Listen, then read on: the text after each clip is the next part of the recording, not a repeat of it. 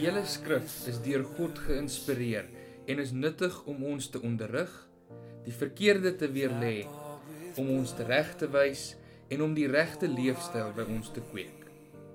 Dit is God se manier om sy mense voor te berei vir hulle taak, ten volle toegerus vir elke goeie ding wat hy wil hê hulle moet doen.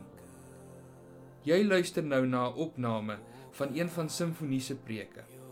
Mag die Here jou seën terwyl hierdie woord aan jou bedien word.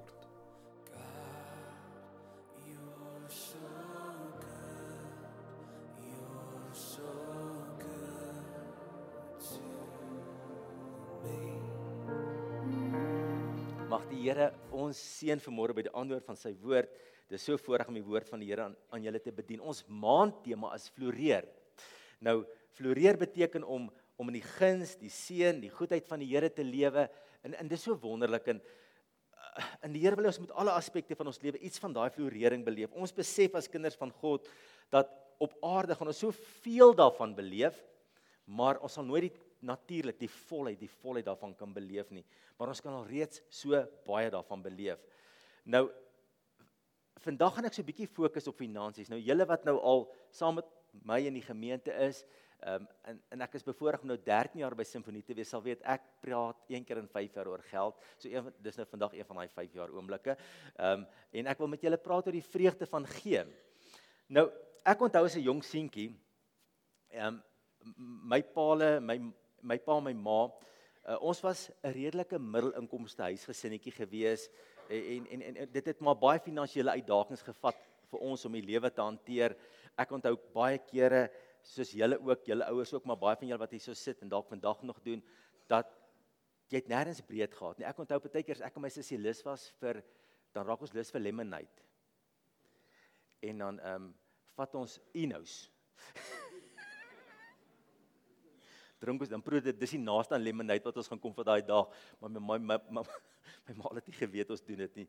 Ehm um, ons het allerlei triks gehad om die lewe vir ons interessant te maak en lekker goedjies in die lewe te doen. So ons nooit honger gaan slaap nie, was nooit leksheid in ons lewe op enige vlak gewees nie. Maar ek sal nooit vergeet nie eendag ehm um, sien ek as 'n klein seentjie by my pa op, hulle speelkas lê daar so 'n koevertjie met rooi inkletters opgedruk. En en ek vra my pa, "Pappa, wat is dit?" En hy sê, "Dis my 10de, my my seun." Ek sê, "Pappa, wat is 10de?" Een my pa verdedig. Ek onthou nog vandag hoe hy my verduidelik het, dis die Here sinne en ehm um, dis God se deel en ehm um, en en ek onthou hy my verduidelik het dat as mens dit gee, dan sê mens dankie vir die Here, maar jy maak ook dat jy jou op 'n plek plaas waar God jou kan seën. En ek onthou as 'n seentjie hoe dit hoe dit net in my gees ingeval en ek het daarna opgelet maand vir maand hoe daai koevertjie op daai speelkas gelê het. En hoe ek groot geword het met dit. My ouma weer, um, ek het party vakansies by haar gaan bly. Sy was 'n sy was 'n alleen vrou gewees. My oupa was vroeg dood aan polio en ehm um, en ek onthou sy moes self werk om 'n lewe te maak. Sy het nie 'n sy het nog daai jare staan net 6 gehad, graad 8 as hulle die skool het, hoe lekker kan die lewe raak, né? Maar ehm um, uh, maar sy moes met haar met gebak en klere maak 'n lewe maak. En sy het sulke mooi koeksustertjies gebak. Man, lekker koeksusters, julle, dit is fantasties en rokke gemaak vir 'n lewe. Maar ek onthou by haar dieselfde. As ek daar by haar gaan kuier het in Springs in haar ou klein klein nederige huisie, het ek altyd gesien die koevertjie wat daar lê. En dan het ek ook met haar gepraat daaroor en dan sê hy my verduidelik waaroor dit gaan. So teen die tyd toe ek nou groot word, was dit my maklik geweest. Ek was in hierdie stroom geweest van ehm um, dis so 'n mens werk met jou finansies. Jy gee 'n tiende vir die Here. Jy dink nie daaroor nie. Die tiende deel is die Here se. Daar's niks om oor te redeneer nie. Ek het nie oortuiging nodig gehad nie. Die voorbeeld was my gestel geweest. So dit's baie maklik vir my geweest. My vrou dieselfde, sy het in 'n huis groot geword waar waar dieselfde beginsels nagevolg is. So dit was ons almal maklik geweest. Dit was weer my voorreg geweest om hierdie beginsel aan my kinders te leer van kleins af. Ek onthou toe hulle nou groot genoeg was om te verstaan wat geld beteken en hoe geld al werk, het ons baie keer saam met hulle so deur die begroting gegaan en gesê dis wat ons het, dis ons uitgawes, dis hoekom hulle nie nog skoene kan kry nie. OK. en julle weet mos ons het die voordeel om die budget bietjie te wangle soos 'n goeie ouditeur, né? Um, dat hulle nie kan skoene kry wat hulle nie nodig het nie. Ehm um, Maar ek onthou die eerste keer toe ons nou vir hulle wys die bedrag 10 tiende wat ons gee vir die Here en vir sy kerk, onthou ek ons oudste dogter se eerste reaksie. Dis dis so baie geld. maar sy het dadelik geweet as ons daar kan vat, kan sy skoene kry. en ehm um, maar daai beginsel het net het het gegroei in ons familie. En en oor jare is dit net deel van ons lewe. Beteken dit dat dat dat ons miljonêers geword het glad nie inteendeel maar dit beteken dat ons die versorgende hand van die Here op ons lewe ervaar het en dis so voorreg om te weet dat ek is 'n derde geslag tiende gewer my kinders sal vierde geslag tiende gewers wees. En en dis 'n openbaring wat jy in jou hart moet kry. Niemand kan jou oortuig daarvan nie. Niemand kan vir jou sê jy moet en jy sal nie. Dis 'n openbaring. Wanneer jy na die woord van God luister dan kom daar 'n so aha oomblik wat God se gees in jou gees net op dieselfde ehm um, vlak kom net net net ontmoet. En en en jy vind maar ek verstaan hierdie ding dit word lewend vir jou hierdie waarheid. En en dis kosbaar. Nou die 10de beginsel die die die kernteksvers nou ek gaan nie baie teksverse vir julle noem nie. Ek wil net so in 2 3 goedjies by julle stil staan vandag want hoekom ek daaroor praat is baie van ons wat hier so sit is ook derde vierde vyfde geslag tiende betalers. Gewers nooit 'n betaler nie is altyd 'n gewer. Van julle wat hierso sit, gaan ergens in julle lewe in die volgende jaar of 2 deur die Here aangemoedig word om ook hierdie stap in jou lewe te neem, want dis hoe hy sy koninkryk op aarde uitbou. En jy gaan voel hoe die Here by jou stil staan en ek is net 'n klein instrument in sy hand vandag om jou te help om insig te kry in hierdie volgende plan van God vir jou lewe, die volgende groot stap wat jy moet gee om geestelik te groei en om die beter wat daar aan die Here beskikbaar is te beleef. Nou in Maleagi 3 vers 8, dis gewoonlik die kerngedeelte wanneer ons oor tiende praat. Kom ons lees daarop. Sal 'n mens werklik vir God beroof? Nou, die van julle wat die Afrikaanse taal ken en ergens in 'n gevangenisdienswerk of in die in die polisie diens is of was, sal weet die verskil tussen steel en roof. Steel is wanneer iemand nie teenwoordig is nie, maar beroof is wanneer iemand teenwoordig is. Jy beroof myself van of jy beroof my van my beursie, maar as ek nie daar is nie, en ek's nie in die omgewing nie en dit lê daar in my kas, dan het jy my beursie en my selfoon gesteel. Maar beroof beteken jy kom ruk dit van my fisies af. So sal 'n mens werklik iets van God kom afruk, kom afpluk. Tog ruk julle, beroof julle my en julle vra waarvan beroof ons nie? Wat ruk ons nou af van die af? En dan sê hy van tiendes en offergawes. Daar is alreeds 'n vloek op julle en tog bly julle my beroof. En dan sê die Here, die hele nasie doen dit. Dis nou die tyd van Israel. Dan praat hy met die volk Israel en sê vir hulle, bring die volle tiende na die voorraadskamer of die skatkis toe, die skatkamers toe, sodat daar iets te eet in my huis kan wees en toets my hierin, sê die Here die Almagtige. Toets my of ek nie die vensters van die hemel vir julle sal oopmaak en vir julle reën sal uitgiet meer as wat julle kan gebruik nie. Ek sal die sprinkane keer dat hulle nie die oes op julle land vernietig nie en dat julle wingerde nie, nie sonder vrugte is nie, sê die Here die Almagtige. Dan sal al die nasies julle as gelukkige mense beskou. Julle sal in 'n begeerlike land woon, sê die Here die Almagtige. Dis die kernteks oor tiendes in die Bybel. Vandaar kan ons klomp beginsels, Nuwe Testament, Ou Testament, hoe ons hierdie ding moet toepas. So wat die Bybel vir ons leer, die een gedeelte, die 1 tiende van my inkomste is die Here sinne. Dit behoort aan hom. Dit behoort nie aan my nie, dis syne. Syne. Julle en as ek nou hier voor 10 appels en ek wou dit saamgebring het, ek is bang ek maak julle honger, maar as ek nou 10 appels hier voor kon neergesit het. Stel jy nou vir hierdie 10 appels. Dan sê die Here, vat 9 vir jou en nou gee net hierdie een appel vir die uitbreiding van my koninkryk. Dat my naam daar eer vereer kan word.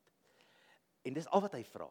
Maar wat ons baie keer doen en ek was ook al skuldig daaraan gewees, ons hou hierdie appel ook vir onsself of gee net 'n klein gedeeltjie van 'n appel vir God se koninkryk, maar die Here sê daai een appel is syne.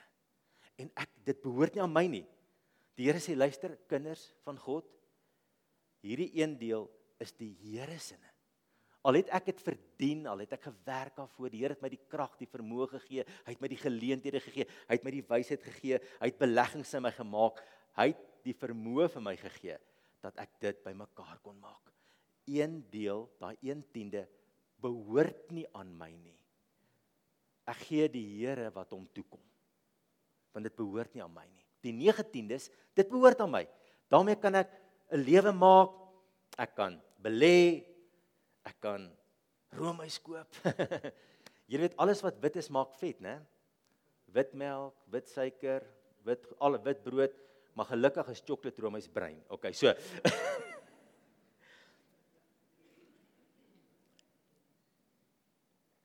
Nou sê hierdie stuk so mooi vir ons. Die Here maak vensters van die hemel oop vir ons lewe. Onthou, jy moet die beginsel en die dings raak sien. Hy sê wanneer ek hierdie gehoorsaam, dan's daar 'n venster wat oopgaan oor my lewe. Vensters. Die hemel het vensters. En die Here sê uit daai vensters uit kom goed na jou lewe toe wat jy nooit self kan bewerk nie. Wanneer ek in hierdie beginsel lewe, want dit is nie 'n wet nie, ons gaan nou net kyk hoe kom dit 'n beginsel is en dit nie 'n 'n wet van die Ou Testament is nie. En ek leef in hierdie beginsel, gebeur goed in my lewe wat my asem wegslaan van God se sorg en trou in my lewe. Interessant. En daarom sê Lukas 6 vers 38: "Gee vir julle sal gegee word 'n goeie maat." Sê bietjie 'n goeie maat. Goeie maat. Ingestamp, geskit en propvol sal hulle in julle hande gee. Met die maat waarmee julle meet sal ook vir julle gemeet word. Wonderlik. Nou, dis interessant dat wanneer mens kyk na die 10de beginsel, dis nie 'n wet nie. Dis 'n beginsel wat voorkom in die Bybel. Ehm um, ons sal kyk in die verse ehm um, kom ons kyk byvoorbeeld daar by Abraham, Genesis 14 vers 18 tot 20. As ons net na daai vers toe kan gaan asseblief, Johan.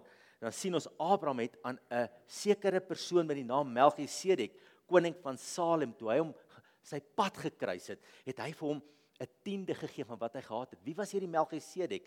Dit was 'n priester, 'n koning, iemand wat God met gedien het in daai tyd. On, ons verstaan nie presies hoe en waar hy pas nie, maar het ergens was hy 'n dienskneg van God en Abraham het in sy teenwoordig gekom en besef, maar aan hierdie dienskneg van God, aan hierdie een wat die koninkryk van God verteenwoordig, gaan ek 'n tiende gee. Voor die wette, 4 500 jaar voor die Moses wette gekom het. Op 'n ander plek sien ons dat Jakob hy is op pad na Laban toe. Hy vlug weg want Esau wil hom doodmaak en hy kom op hierdie plekkie en die Here verskyn aan hom. Jy onthou dit mos, die leer wat opgaan van bo tot onder op die aarde en die engele wat op en afgaan teen daai leer en dan sien ons dat hy sê vir die Here, Here as U my veilig behoue terugbring. Ek dink dit is Genesis 28. En hy sê as die Here hom behoue terugbring, dan sal hy sê hy sê dan vers 22 sal ek aan u sekerlik die tiendes afstaan. Voordat iemand iets gesê het daar was nog nooit 'n wet nie. Daar was nie 'n berg Sinaï wat gerammel het nie in die 10 gebooie is gegee en die Here het nog verdere wette vir Moses gegee nie. Lank voor die wette honderde jare voor die wette is hierdie beginsel van God se koninkryk reeds gevestig. Dis nie 'n wet nie dis 'n beginsel dis 'n dis 'n goddelike beginsel waarvolgens ek my lewe moet inrig. Later het die wette gekom en is die 10de die die 10 hierdie 10de beginsel in die wette vervat in Moses en het het dit 'n eie karakter gekry. En dan in die Nuwe Testament sien ons dat Jesus sê vir ons, ek dink is die vorige uh, skryf asseblief Johan waar waar Jesus sê in vers 23 Matteus 23 vers 23 Hy hy hy, kyk na die skrifgeleerdes en hy sê vir hulle: "Wee julle skrifgeleerdes en fariseërs, gefeinsdes, want julle gee tiendes van kruisement en anys en koljander en die swaarste van die wet laat julle na, die reg en die barmhartigheid en die trou. Hierdie dinge behoort julle te doen sonder om die res na te laat." So Jesus self God self gee goedkeuring in die Nuwe Testament. Hy sê dis reg. Hierdie beginsel is 'n ewigdurende beginsel waar volgens 'n mens jou lewe moet inrig. Dis hoe die Here daarvan hou. En hoekom doen ons dit? As as as as jy nou vandag sal dink, hoekom doen ons dit hierdie hierdie ding wat ons doen? Ek dink die belangrike ding is ons vereer die Here met dit. Ons vereer die Here. Spreuke 3 vers 9 en 10 sê die volgende: Vereer die Here uit jou goed en uit die eerstelinge van jou inkomste, dan sal jou skure vol word van oorvloed en jou parskype oorloop van mos. Dis die eerste motiverende rede. Ek wil die Here vereer. En as daar as daar 'n kind van die Here is in die plek, kan ons almal daarop sê vanmôre, ons vereer die Here met wat ons doen. Nou Matteus 6 vers 24 leer ons nog 'n ding. Dit breek die greep van materialisme en die houvas wat wêreldsheid en en aardse goed op my lewe het. Julle niks breek die juk van materialisme op jou lewe soos om te gee nie. En dis 'n vreeslike harde baas as materialisme jou baas is. En daarom sê Matteus 6 vers 24: Niemand kan vir twee baase te gelyk werk nie. Hy sal of die een minder ag en die ander een hoor of hy sal vir die een meer oor hê en die ander een afskeep. Jy kan nie God en Mammon dien nie. Hy sê een moet die eerste plek kry hierso. En deur hierdie beginsel, die hierdie goddelike beginsel van die 10 in jou lewe in te bou, dit omhels en met geloof toe te pas en met liefde toe te pas, maak dat jy hierdie Mammon God op sy plek sit en dat jy sê die Here is nommer 1 in my lewe. Interessant. Wanneer dit kom by die gee in God se koninkryk is daar twee aspekte. Die een is die 10de wat aan die Here behoort. Dit behoort nie aan my nie. Ek kan nie sê as ek die die 10de gegee het, ek het 'n deel van my geld vir die Here gegee nie die tiende is die Here sinne. Ek gee net terug aan die Here wat aan hom behoort. Dis die Here sinne. Nou die 19es wat hier oorbly, uit dit kom verdere offergawes in my lewe. Byvoorbeeld offergawes is iets soos volgende. In my familie is daar mense wat wat wat finansiëel swaar kry. En ek kan altyd besluit ons sal kyk wat ons kan doen en ons kan 'n bietjie bydra om hulle te help. Ander familie moet ook help om daardie daardie mense te help ek kan nou nie gaan omdat ek daai mense help en dit by dit gaan vat die 1/10de om hulle te help nie. Dit kom uit my 19des. Ek gee uit my 19des om hierdie familie van my te help in hulle finansiële nood. Ek gaan haal dit nie daar nie. Byvoorbeeld daar spesiale projekte. Ehm um, jy jy ondersteun byvoorbeeld 'n Christelike radiostasie en jy gaan haal dit uit jou 19des en jy gee dit daar. Ehm um, Daar's byvoorbeeld 'n kosprojek wat jy wil ondersteun waar mense regtig honger het. 'n Skool, 'n instansie, 'n ouete huis. Dan gaan haal jy dit uit die 9/10des uit en jy gee uit dit uit vir daai saak. Die 1/10de, waar moet ek dit gee? Waarheen moet dit gaan? Waar moet ek dit gee? Nou ons kyk in die as jy kyk daar na Maleagi 3 vers 10 staan daar bring die hele tiende na die skathuis of die voorraadskuur. In daardie tyd was dit by die tempel gewees. Dit was 'n lokale plek gewees. Hulle moes dit soontoe vat en alles by die tempel gaan neersit. Hoekom? Sodat daar spys in die Here se huis kon wees, sodat die tempeldiens kon voortgaan, dat die aanbidding van God kon voortgaan, dat daar offers kon wees, dat die volk geleer kon word, dat daar 'n goddelike invloed uitgeoefen kon word en dat daar 'n um, 'n teenwoordigheid van God, 'n ontmoeting met God kon wees in daardie volk. Nou in die Nuwe Testament sien ons dat vroeg al het Christene hierdie begeerte gehad om hulle fondse na 'n sentrale plek toe te neem en van daar af te versprei. Dit was 'n natuurlike ontwikkeling wat plaasgevind het. En ons sien in 1 Korintiërs 6 vers 2 elke Sondag moet elkeen van julle na sy vermoë tuis iets op sy sit en dit opspaar. Hier gaan dit nie oor tiendes nie, dit gaan om 'n die gemeente in Jerusalem te help. So dis offers, maar die beginsel let net op die beginsel. Elke Sondag moet elkeen van julle na sy vermoë tuis iets op sy sit en dit opspaar sodat die geldinsameling nie eers plaasvind as ek kom nie. So hierdie mense maak net vir hulle spaar by die huis, spaar by die huis tot die dag dat Paulus kom om die geld in te samel, een globale bedrag, dan vat hulle al daai geld net so en dan EFT hulle dit vir die gemeente in Jerusalem. OK. Ehm um, Maar daar was hierdie begeerte gewees van vroeg af om dit bymekaar te. Kyk wat sê Handelinge 4 vers 34. Nie een van hulle het gebrek gely nie, want die wat grond of huise besit het, het dit verkoop en die verkoopprys daarvan gebring en vir die apostels gegee, die leiers van die gemeente. Die het dit dan uitgedeel volgens elkeen se behoefte. So van vroeg af was hierdie ding gewees, ons bring dit na 'n sentrale punt toe en die verspreiding en die hulp wat aangebied word word uit hierdie sentrale punt verder aangebied. Nog 'n teks. Handelinge of verskoon of Filippense 4 vers 15. Julle in Filippi weet ook dat in die begin van my evangelieprediking na my vertrek uit Macedonië geen enkele gemeente behalwe julle 'n aandeel gehad het aan my rekening van inkomste en uitgawes nie. Weereens, hierdie gemeente in Filippi het bymekaar kom en gesê Paulus het nood. Kom ons maak 'n projek. Kom ons bring geld en ons help hom. Dit beteken nou nie dat die Heilige Gees my jou nie gaan lei dat ons spontaan in vryheid kan gee vir enigiemand wat hy op ons hart lê en en ek dink dit moet altyd so bly. Maar let op die beginsel dat daar was van vroeg af in die kerk en die voorbeeld van die Ou Testament dat dit eers na 'n sentrale plek toe geneem word. En die skrif beweeg ons en lei ons en rig ons na hierdie ding toe dat 'n mens wat deel is van 'n lokale gemeente daar sy tiende gee. Offers ook, maar jy kan offers ook weier gee.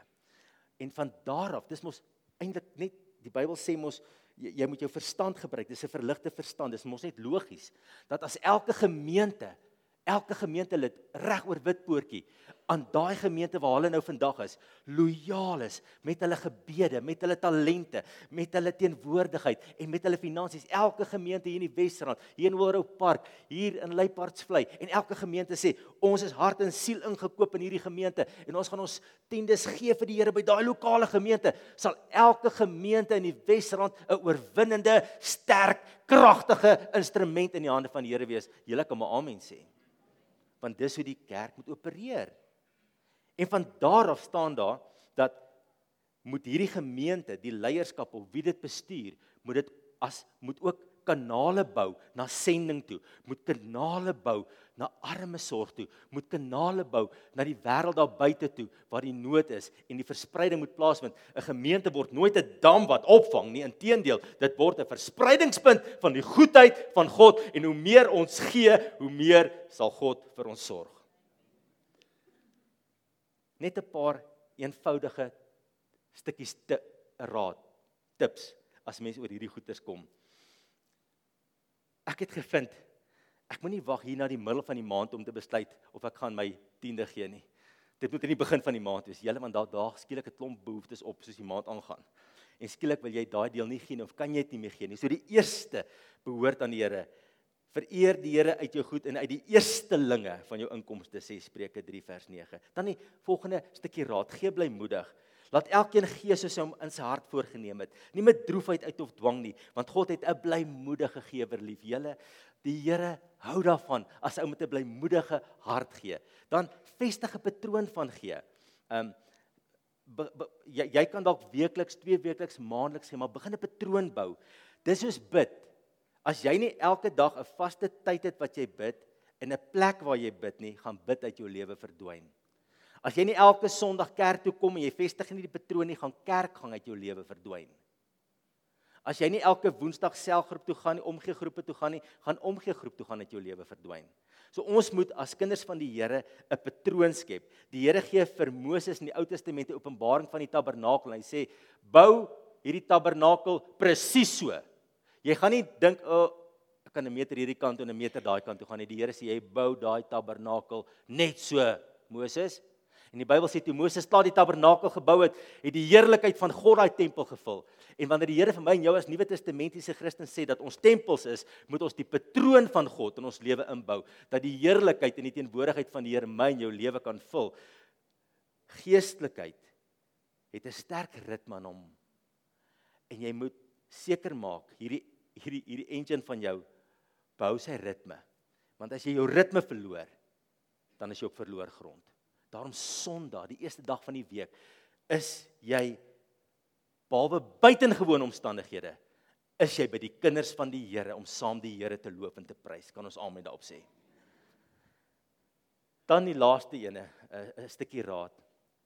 Gesels met mense wat gewers is. Julle dis 'n avontuur om met sulke mense te gesels.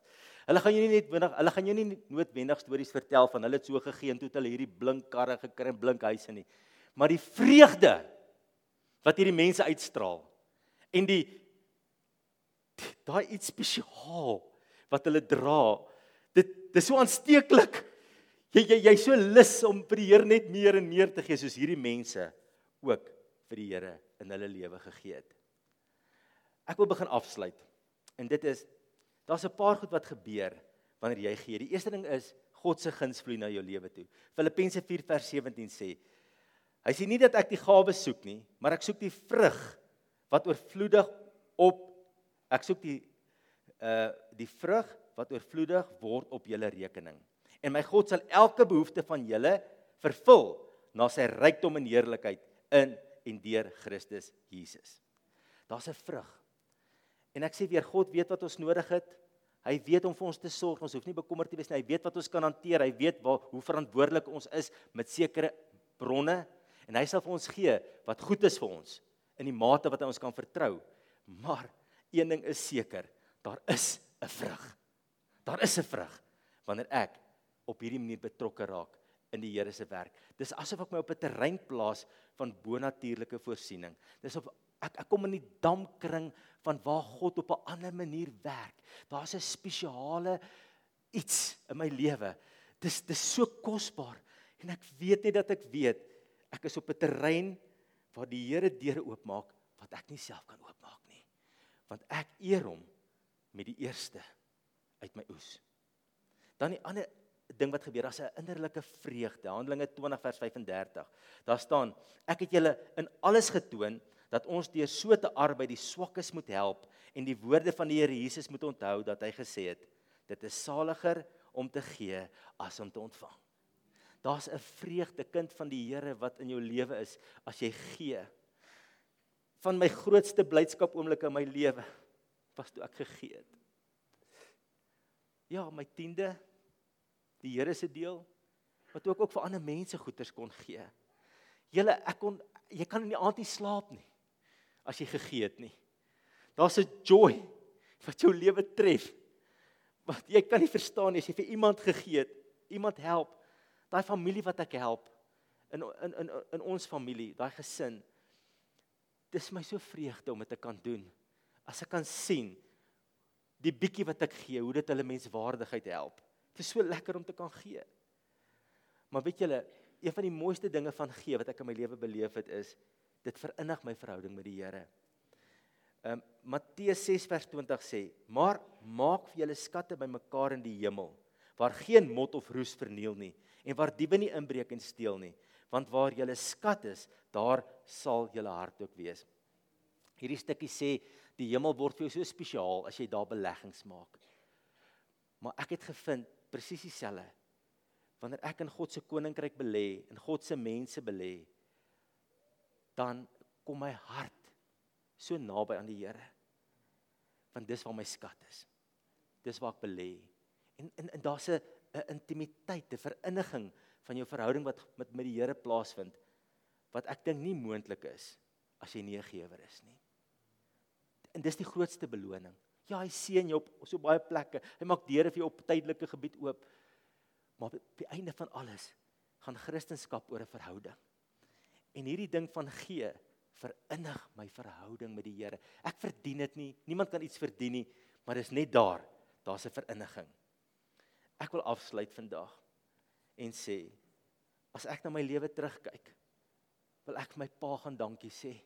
Wil hy sy hande soen kom sê pappa, dankie dat jy my geleer het om 'n gewer te wees. Dankie.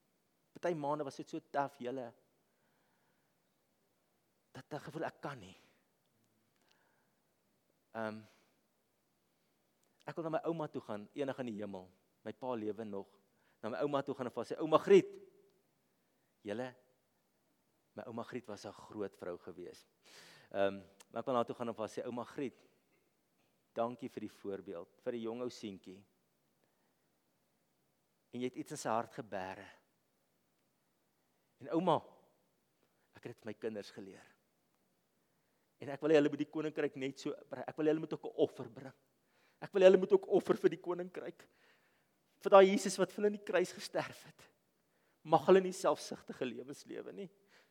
En julle weet, tiende is die basiese vereiste. Ek weet van mense wat 2 tiendes en 3 tiendes betaal, nie ryk mense nie. Gee. Want God het hulle harte gegryp. En en die Here loop met my en jou elkeen 'n individuele pad waar ons is. Maar een ding het ek geleer en dit is ek wil die Here vereer uit die eerste en die beste van my oes. Is dit nie so nie? Dis 'n goddelike beginsel. Kan ons opstaan en onsself aan die Here wy vanmôre?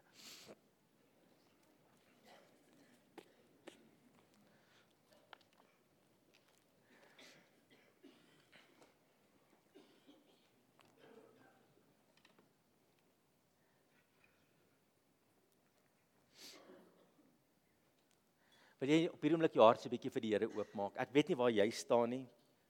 Dalk was hierdie beginsel nog nooit deel van jou lewe gewees nie. En ervaar jy vanmôre 'n openbaringsoomblik, 'n oomblik waar God by jou kom stil, staan en sê my kind, dit is die volgende tree van gehoorsaamheid wat ek wil wil hê jy moet neem. En jy kan dalk nie begin dalk dalk om dadelik jou volle tiende te kan gee nie want jou begroting werk net nie op daai manier nie. Maar jy gaan in die volgende jaar of wat groei na daai aspek toe dat jy jou volle tiende vir die Here kan gee. En kan ons hom eer in hierdie oomblik? Kan jy jou hande so saam in die lig steek, jou oë net sluit en sê Here, U is 'n gee God.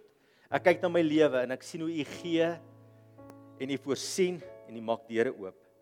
En kan ons nie genoeg dankie sê daarvoor, Here? Here, kan ons nie genoeg dankie sê? Kan ons nie genoeg loof?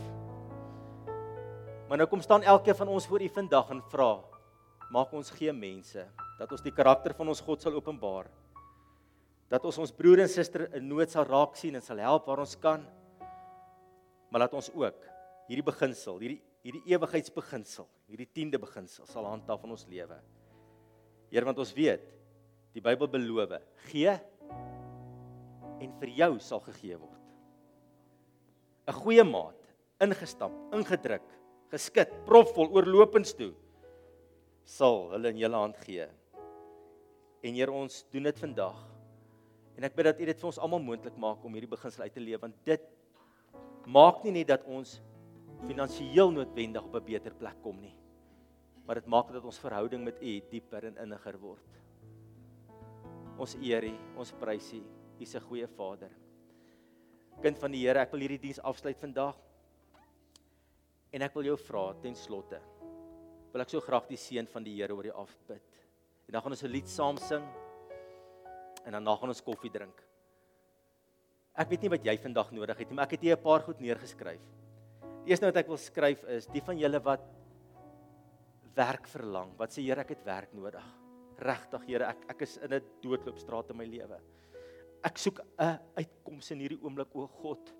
Here, U ken my gebede in die aand se kan bekommerd op my bed lê en ek weet nie waar gaan ek my kinders kos kry nie. Here, U ken my besorgdheid. Ek wil jou vra, liewe broers susters, Here, dat jy steek jou hand daar nie in die bank op. Hou jou hand hoog op. Gaan niemand na vore roep nie. Hou jou hand hoog op, hoog op, hoog op. Oral in hierdie kerk gaan hande op, baie hande, mense wat afhanklik is van werk. Kan ons as kinders van God nou saamstem en vir hulle bid vir werk en die seën van die Here oor hulle spreek. Julle kan julle hande laat laat sak baie dankie. Here, ons bid vir ons broers en susters in hierdie kerk vanmôre wat voel hulle is net doodloopstraat wat alle moed verloor het, Here. Ons bid dat U vir hulle uitkoms gee, Jesus asseblief. En ons dankie dat ons hulle kan seën in U wonderlike naam. Ek kan vra, maak vir hulle pad waar daar nie 'n pad is nie, Here. Seën hulle. Seën hulle. Seën hulle. Ek wil ook bid vir mense wat in besigheid staan. Besigheid is vandag nie maklik nie. Elke sakeman wat jy mee praat, sê vir jou dit dis baie harde werk. Harde werk vandag. Lang ure, fyn beplanning, baie uitdagings. En die geld kom nie maklik nie. Maar ek wil so graag oor elke sakeman iemand wat vir homself werk ook die seën van die Here bid. Kan daai mense hulle hande net so in die lug opsteek in hierdie oomblik asseblief? Hou jou hande net so hoog in die lug. Here, ek bid vir die mense wat wat in 'n sake onderneming staan, groot of klein. En ek bid die seën van die Here oor hulle. Bid dat dit goed met hulle mag gaan. Ek bid dat hulle in hierdie maand al reeds sal beleef dat daar 'n draai is, Here, dat iets positief gebeur. En ons as kinders van die Here seën hulle. Kan ons vir hulle sê wees geseënd in Jesus naam? Kom ons roep dit 'n bietjie uit in hierdie kerk en sê wees geseënd in Jesus naam. Amen. Julle kan julle hande laat sak baie dankie. Here, ons wil U dankie sê dat ons U seën so oor mekaar kon uitspreek. En Here, ons gemeente help ons om altyd 'n kanaal van die goedheid te wees. 'n Kanaal van die goedheid. En dat ons ook 'n seën sal wees soos U ons lei om te wees. En die kinders van die Here sê: Amen. Kan ons die Here lof op vergee? Halleluja.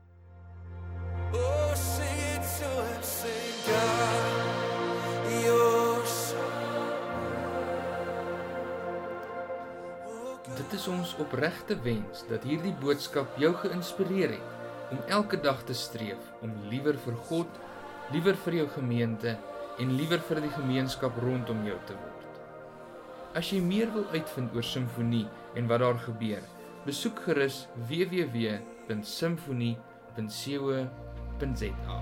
Mag die Here jou seën.